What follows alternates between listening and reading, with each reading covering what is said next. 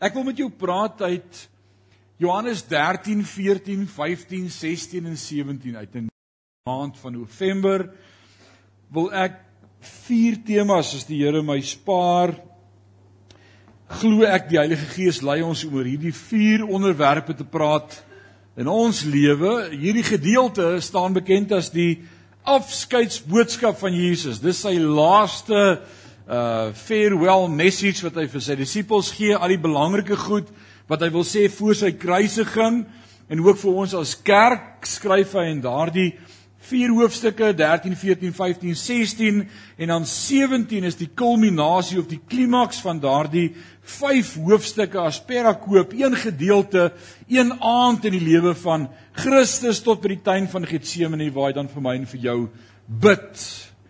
En man, dis 'n blessing om te weet Jesus bid vir my en hy bid vir jou en hy tree vir ons in. So ek wil vanmôre begin by Johannes 13 en ons gaan uit daardie gedeelte gaan ons kyk wat leer ons vandag uit hierdie gedeelte uit. Daar was baie afskeidstoesprake in die Bybel gewees. As jy dink aan individue wat aan die einde van hulle lewe toespraak gemaak het, watter name kom by jou op? Moses, definitief, hy praat met die volk. Wie nog? Joshua, Paulus, Petrus maak 'n 'n boodskap, 'n proklamasie aan die einde van hulle lewe en Jesus het 'n ongelooflike betekenisvolle gedeelte hierdie aksie, dis 'n aksiegedeelte, dis dis dade vir my en vir jou prakties hoe ons kan let op ons wandel in hierdie wêreld as hy hierdie gedeelte met my en jou deel en dan gaan ons veral vanmôre sien die gedeelte van voete was. Nou kyk, voete was in 'n Pinksterkerk is 'n interessante ding. Wie van julle het al 'n voete was beleef in julle lewe? Steek 'n bietjie die hande op. Alraai. Interessant. En waar pas voete was in die kerk in en waar maak ons ruimte vir voete was? En wat beteken voete was? En ons gaan vanmôre kyk of ons dit kan verstaan ook in in konteks met die nagmaal. Dis môre voorreg ook as 'n familie saam aan te sit aan die nagmaaltafel. Nou in hierdie hoofstuk, hoofstuk 13 sien ons vier verhoudings, vier verskillende kommunikasielyne wat in hierdie hoofstuk 13 plaasvind. Die eerste een vers 1 tot 5 sien ons 'n kommunikasielyn met God die Vader. Jesus met sy verhouding teenoor die Vader. In vers 1 tot 3 praat Jesus oor dit wat hy geweet het en in in vers 4 en 5 praat hy oor dit wat hy kom doen het uh, met die Vader. Dis dis sy dis sy gesprek en dan sien ons ook dat hy 'n unieke gesprek het en dialoog voer met Simon Petrus. Ons gaan vanmôre daarna kyk. En dan praat hy met al sy disippels en dan draai hy na hierdie een disipel wat hom ook sou verraai, Judas Iskariot. So hierdie vier kommunikasielyne wat ons gaan sien uit hierdie hoofstuk uit. Nou Jesus het geweet sy uur het gekom.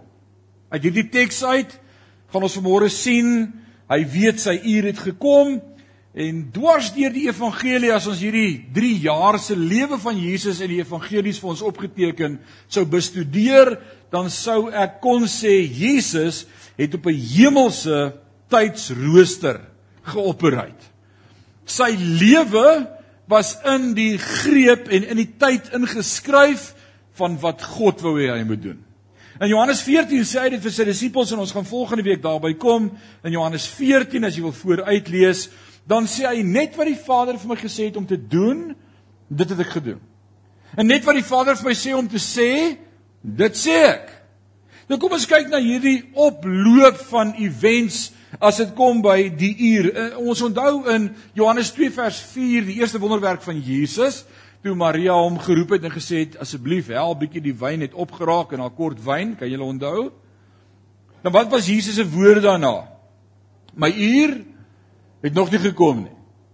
Ek's besig met sy bediening op aarde as koning Jesus, sy disippels al gekies, maar sy uur het nog nie gekom nie. In hoofstuk 7 vers 30, my uur het nog nie gekom nie in hoofstuk 8 vers 20, my uur het nog nie gekom nie. In hoofstuk 12 vers 23 sê hy, die uur het gekom dat die seun van die mens verheerlik moet word. Dis naby. In Johannes 13 vers 1, Jesus het geweet dat sy uur gekom het, die tyd breek aan. En in hoofstuk 17 vers 1 sê hy, Vader, die uur het gekom, dis tyd. Toe onthou hoofstuk 13 tot 17 is een gebeur, is een aand in die lewe van Jesus. Nou watter uur en wat was hierdie vasgestelde uur gewees wat moes kom? Vir watter uur het Jesus geleef? Vir sy dood, sy opstanding en sy hemelvaart en dat hy daardeur verheerlik sou word. Dis hoekom hy na die aarde gekom het. Alraai, belangrik om dit te onthou. So kom ons praat oor twee van hierdie verhoudings en gesprekke en dialoog wat ons vind in Johannes 13. In die eerste een wil ek vers 6 tot 11 en kom ons lees dit saam as jy die Bybel hier het. Johannes 13 maak saam met my daar oop en ons gaan lees vers 6 tot 11 en dis die gesprek tussen Jesus en Petrus. As jy daar sê jy amen. Alraight. Hy toe by Simon Petrus wat hy kom toe by Simon Petrus wat vir hom sê: "Here, gaan jy my voete was?" En Jesus antwoord hom: "Wat ek besig is om te doen, verstaan jy nie nou nie, maar wanneer alles verby is, sal jy dit verstaan." En Petrus het onmiddellike reaksie was: "U sal tot in ewigheid nooit my voete was nie." En Jesus antwoord hom: "As ek jou nie was nie, het jy nie deel aan my nie." Simon Petrus vra toe vir Jesus: "Here, nie net my voete nie, maar ook my hande en sommer my kop ook." En Jesus sê vir hom: "Iemand wat klaar gebad het, is heeltemal skoon, behalwe om nog sy voete te was. En julle is mos reeds skoon." Nee, tog nie almal nie. Let op wat sê Jesus hier. Ek dink jy skiep dit soms. Hy sê julle is reeds skoon en dan nee. Nee, nie nie, nie almal nie. Na wie verwys Jesus hier? Judas Iskariot. Ons gaan nou daaroor praat. Interessant. Ons skiep dit. Jesus het goed geweet wie hom sou uitlewer en daarom het hy gesê julle is nie almal skoon nie.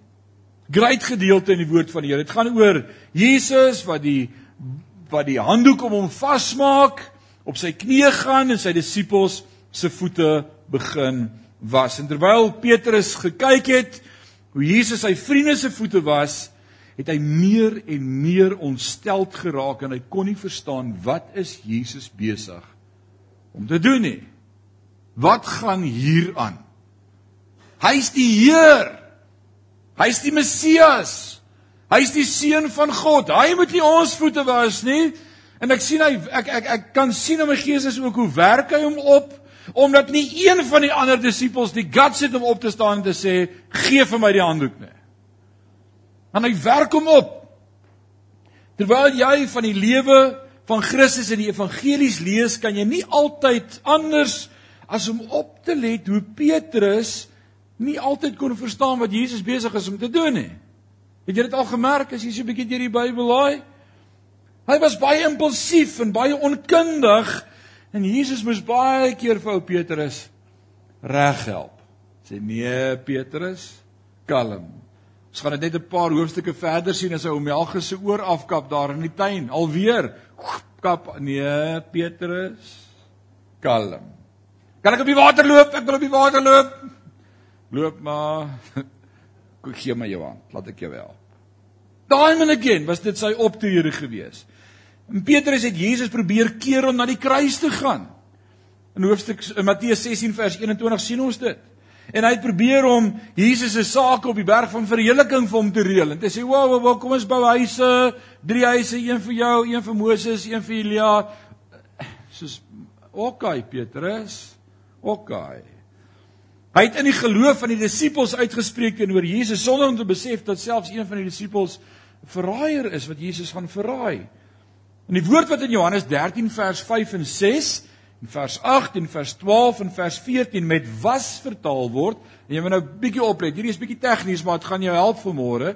As Jesus sê ek was jou voete en hulle praat oor die was, is die Griekse woordjie nipto. En beteken om 'n deel van die liggaam te was. Net 'n stukkie van die liggaam, 'n deel.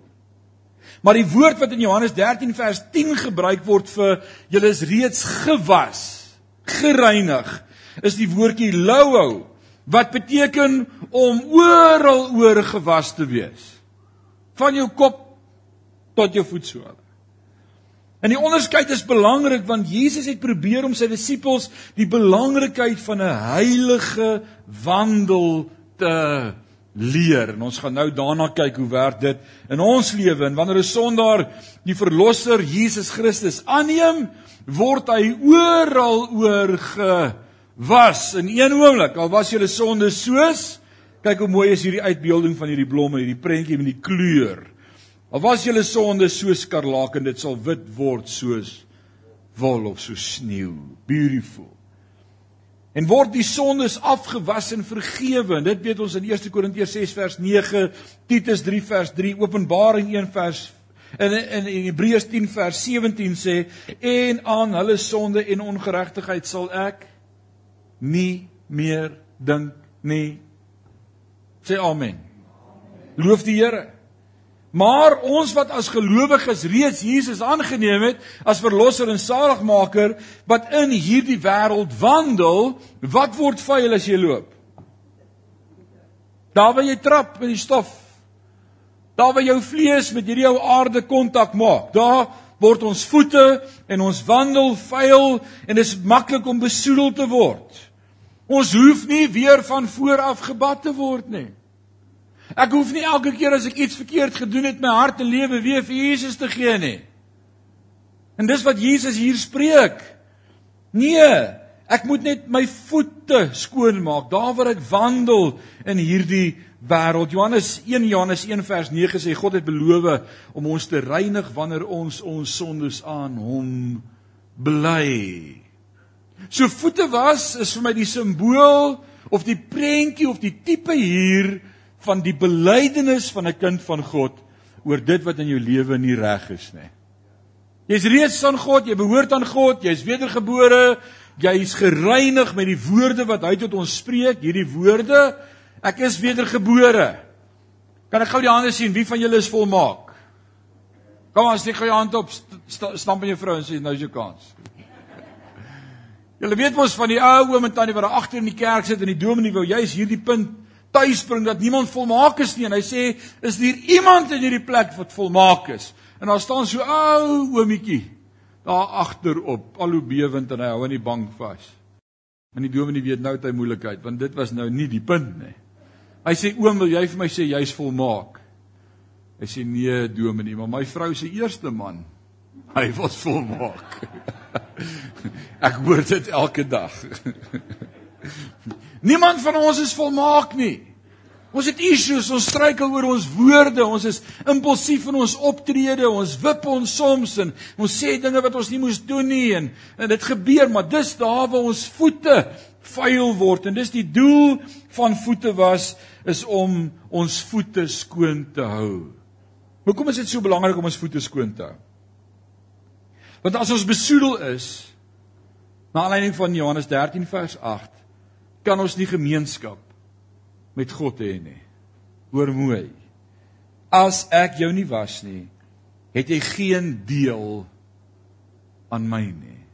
Hoekom is die funksie van sondebelydenis in 'n kind van God se lewe so belangrik? Sodat ek kan deel hê in my verhouding met God. Die woordjie wat met deel vertaal word is die woordjie meros uit die Grieks uit en dit dra hierdie betekenis van deelname of om 'n aandeel in iemand of iets te hê. So wanneer God ons oral reinig van ons kop af, reinig in verlossing, verenig ons met Christus en dit is 'n vaste verhouding wat nie kan verander nie. Die werkwoord wat in Johannes 13 vers 10 in die volmaakte tyd geskryf is, dis vir eens en vir altyd vas. Jesus het dit gedoen. Kan iemand sê amen? Dis nie dalk of miskien of ek gaan nog uitvind nie. Hy het my reeds gereinig. Die dag toe ek my hart en lewe vir God gee, het hy my gereinig. Loof die Here daarvoor. Dis my posisie in hom. Maar ons gemeenskap met Christus hang egter daarvan af dat ons onsself gewas hou van hierdie wêreld. En dis die belangrikheid in 'n kind van God se lewe van sondebelydenis. Baie kinders van die Here dink daar's nie meer 'n plek vir sonde sondebelydenis in my lewe nie, want ek is mos nou 'n kind van God. Dis juis in 'n kind van God se lewe wat ek hierdie klein fossies moet aanspreek op 'n daaglikse basis. Die woordjie wat ons daar gebruik is die woordjie homo logio. Homo dieselfde as logio of logos, dieselfde as die woord van God en in my en jou lewe sê ons dieselfde as die woord van God. So as ek stilte tyd hou en ek's besig met God se woord en hy sê vir my hierdie goed moenie meer onder julle wees nie, hierdie is die vrugte van die vlees en dit hoort nie 'n kind van God se lewe nie, dan bevraagteken ek my eie hart en ek sê Here, is dit hoe ek lyk? Is dit dalk ek? Is dit wat in my lewe fout is? Dankie vir u vergifnis. Dankie dat u my vergewe. Dankie dat u my wandel in hierdie wêreld reinig. En as ons onbeleide sonde in ons lewens toelaat, belemmer ons ons wandel met die Here en dit is wanneer ons ons voete ons laat val. Hierdie basiese waarheid van die Christelike lewe word pragtig geïllustreer in die Ou Testament in die prentjie van die priesterskap. Nou ek sê vir jou elke Nuwe Testamentiese beginsel het 'n Ou Testamentiese storie. En as ons die Ou Testamentiese storie gaan kyk, daar in Eksodus 29 vers 4, dan sien ons met die verkiesing van die Hoëpriester, wanneer hy eenkant afgesonder word vir God, dan word hy gebad. Daar's 'n hele ritueel vir hoe hy gereinig moet word. Van sy kop tot sy tone word hy gewas. En dan sy in die amp bevestig as Hoëpriester. Maar elke keer as hy wou ingaan in die heiligste om te gaan diens doen, om die om die kandelaar te gaan knip wat besig is om te rook, die kerspitte gaan afknip dat dit weer kan mooi brand en olie optop en en en brood van die toonbrode gaan eet en en van die wierook. Elke keer as hy daar ingaan, moes hy eers by die koper was kom sy hande en sy voete was. Want dis waar ek en jy in hierdie wêreld vuil word. Daar waar ons kontak het met hierdie wêreld. Nou pragtig as ons mooi gaan kyk na die simbool wat gebruik word, daardie koper waskom, daardie koper waskom is gemaak van koper spieëls wat al die vroue as geskenkie uit Egipte uit by hulle baase gekry het. Die slavinne het by die Egiptenare hierdie dit was hulle spieël. 'n Spieël was 'n koper, gepolished koper stuk plaat, nee, koper plaat. En toe Moses hierdie hierdie uh, tabernakel wou oprig, het hy gesê kom, bring al daai goed wat jy gekry het by die Egiptenare en hy koper het hulle beslaan en hierdie koper was kom en as jy deur daardie water sou inkyk het jy jouself gesien op die bodem van daardie koper was kom. Daardie koper was kom se simbool is niks anders as die woord van God nie. Dis wanneer ek en jy in die woord van God inkyk dat ons onsself sien. Dis wanneer ons elke illustrasie beleef en sien en hoor die woorde wat Jesus sê en elke gelykenis lees en ek sê wow Here is dit ek? Is dit hoe ek lyk? Like? is dit wat u vir my doen? Is dit wat u vir my sê? Ek ondersoek myself. Dis die woord. Twee keer in die woord twee verskillende gebruike van water. Dis of water om te was of water om te drink. Dwars deur die Bybel gaan jy hierdie illustrasies kry. Is of water om te drink of water om te was. En elke keer as daar water is om te was, verwys dit na die woord van God. Altyd. En water om te drink, wat is die simbool daarvan? Die Heilige Gees. Strome van lewende water sal uit julle binneste vloei. So die simbool daarvan is water om te was. Die Here reinig ons deur die bloed van Christus Dit wil sê sy werk aan die kruis, is dit nie wat gebeur het in 1 Johannes 1 vers 5 tot 10 verduidelik Johannes dit vir ons nie.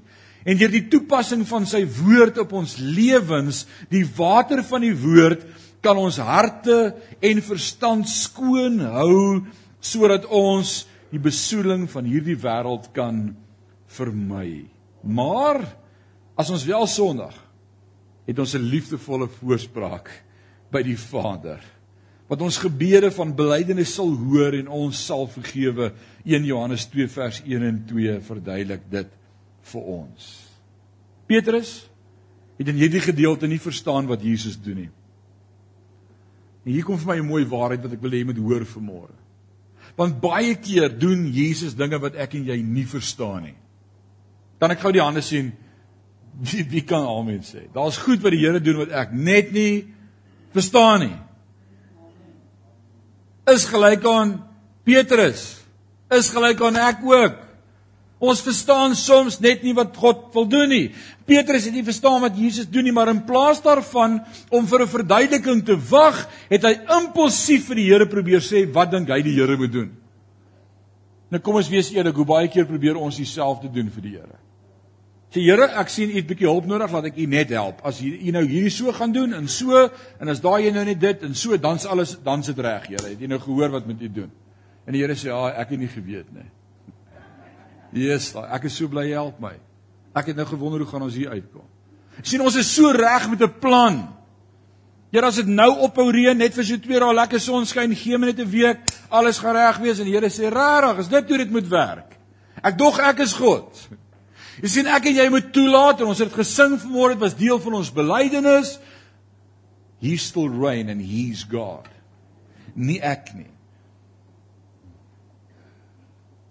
Daar is 'n sterk dubbel negatief in Johannes 13 vers 8. Die Griekse geleerde Kenneth Woest het Paulus se stelling vertaal as en dis was die woorde van Paulus: Jy sal geensins my voete was nie. Nee, nooit.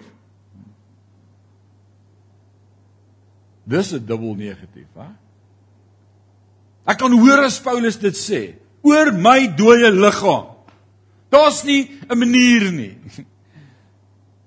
Petrus het dit regtig bedoel.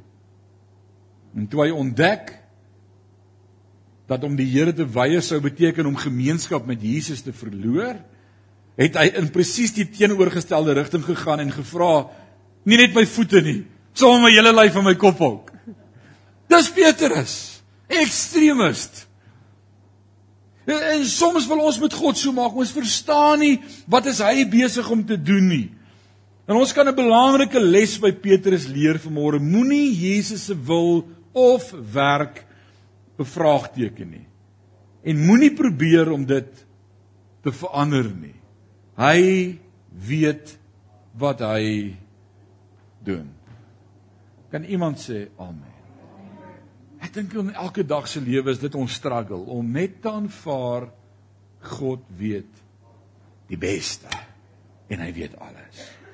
Petrus het 'n moeilike tyd gehad om Jesus se bediening aan hom te aanvaar. Hy was te trots omdat Petrus nog nie gereed was en hier kom dit om ander disippels te bedien nie.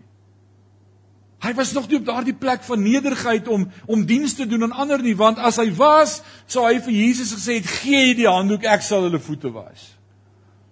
En daarom was Petrus op 'n moeilike plek om te aanvaar dat Jesus hom wil bedien, want hy was nog nie op die plek om ander te bedien nie. Dit verg nederigheid en genade om ander te dien. Maar dit verg ook nederigheid en genade om ander toe te laat om jou te bedien. Is dit nie so nie? Baie keer sê ons nee nee nee ek nee nee nie vir my nie dankie ek is okay. So. In hierdie gemeente, liggaam van Christus, moet ons mekaar bedien, maar ook toelaat dat ek bedien word.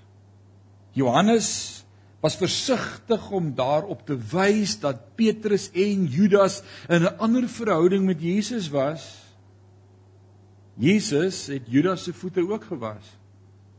Maar hy was nie reinig nie. Hy was nie skoon nie. Want hy het nie geloof gehad nie. Dit het Judas niks gebaat nie want hy was oral oor nie gebad gewees nie. En sommige mense leer dat Judas 'n geredde man was. Sy redding weggestond het. Maar dit is nie wat Jesus ons leer nie. Jesus sê vir ons hier baie duidelik: Julle is nie almal skoon nie. Wow. Dit is 'n belangrike ding om in jou gemeenskap met die Here te verdiep. Die belangrikste is om eerlik met hom en met jouself te wees en ons voete skoon te hou. Die wonder van die nagmaal om met God te kan kom praat oor ons lewens, ons wandel en ons optrede. Vader, ons sê vir U dankie dat U keer op keer bemoeienis maak met elkeen van ons. Dat U vanmôre opnuut U woord vir ons oopbreek en ons sien dat U van die begin af geweet het dat ons voete gaan vuil word in hierdie wêreld. Maar dat U vanmôre kom en ons reinig deur die bloed van die lam. Dankie vir vergifnis van sondes. Dankie vir herstel in ons verhouding met U. Dankie dat ons meer as oorwinnaars is in Jesus Christus. Here, ek wil bid dat ons in hierdie week hierdie vergifnis, hierdie hierdie posisie in Christus sal uitleef in die wêreld en 'n verskil sal maak deur ons getuienis van wat die Here vir ons doen. Aan U al die lof en al die eer en al die aanbidding van ons harte. Dis my gebed in Jesus naam en sê ons sê amen en amen.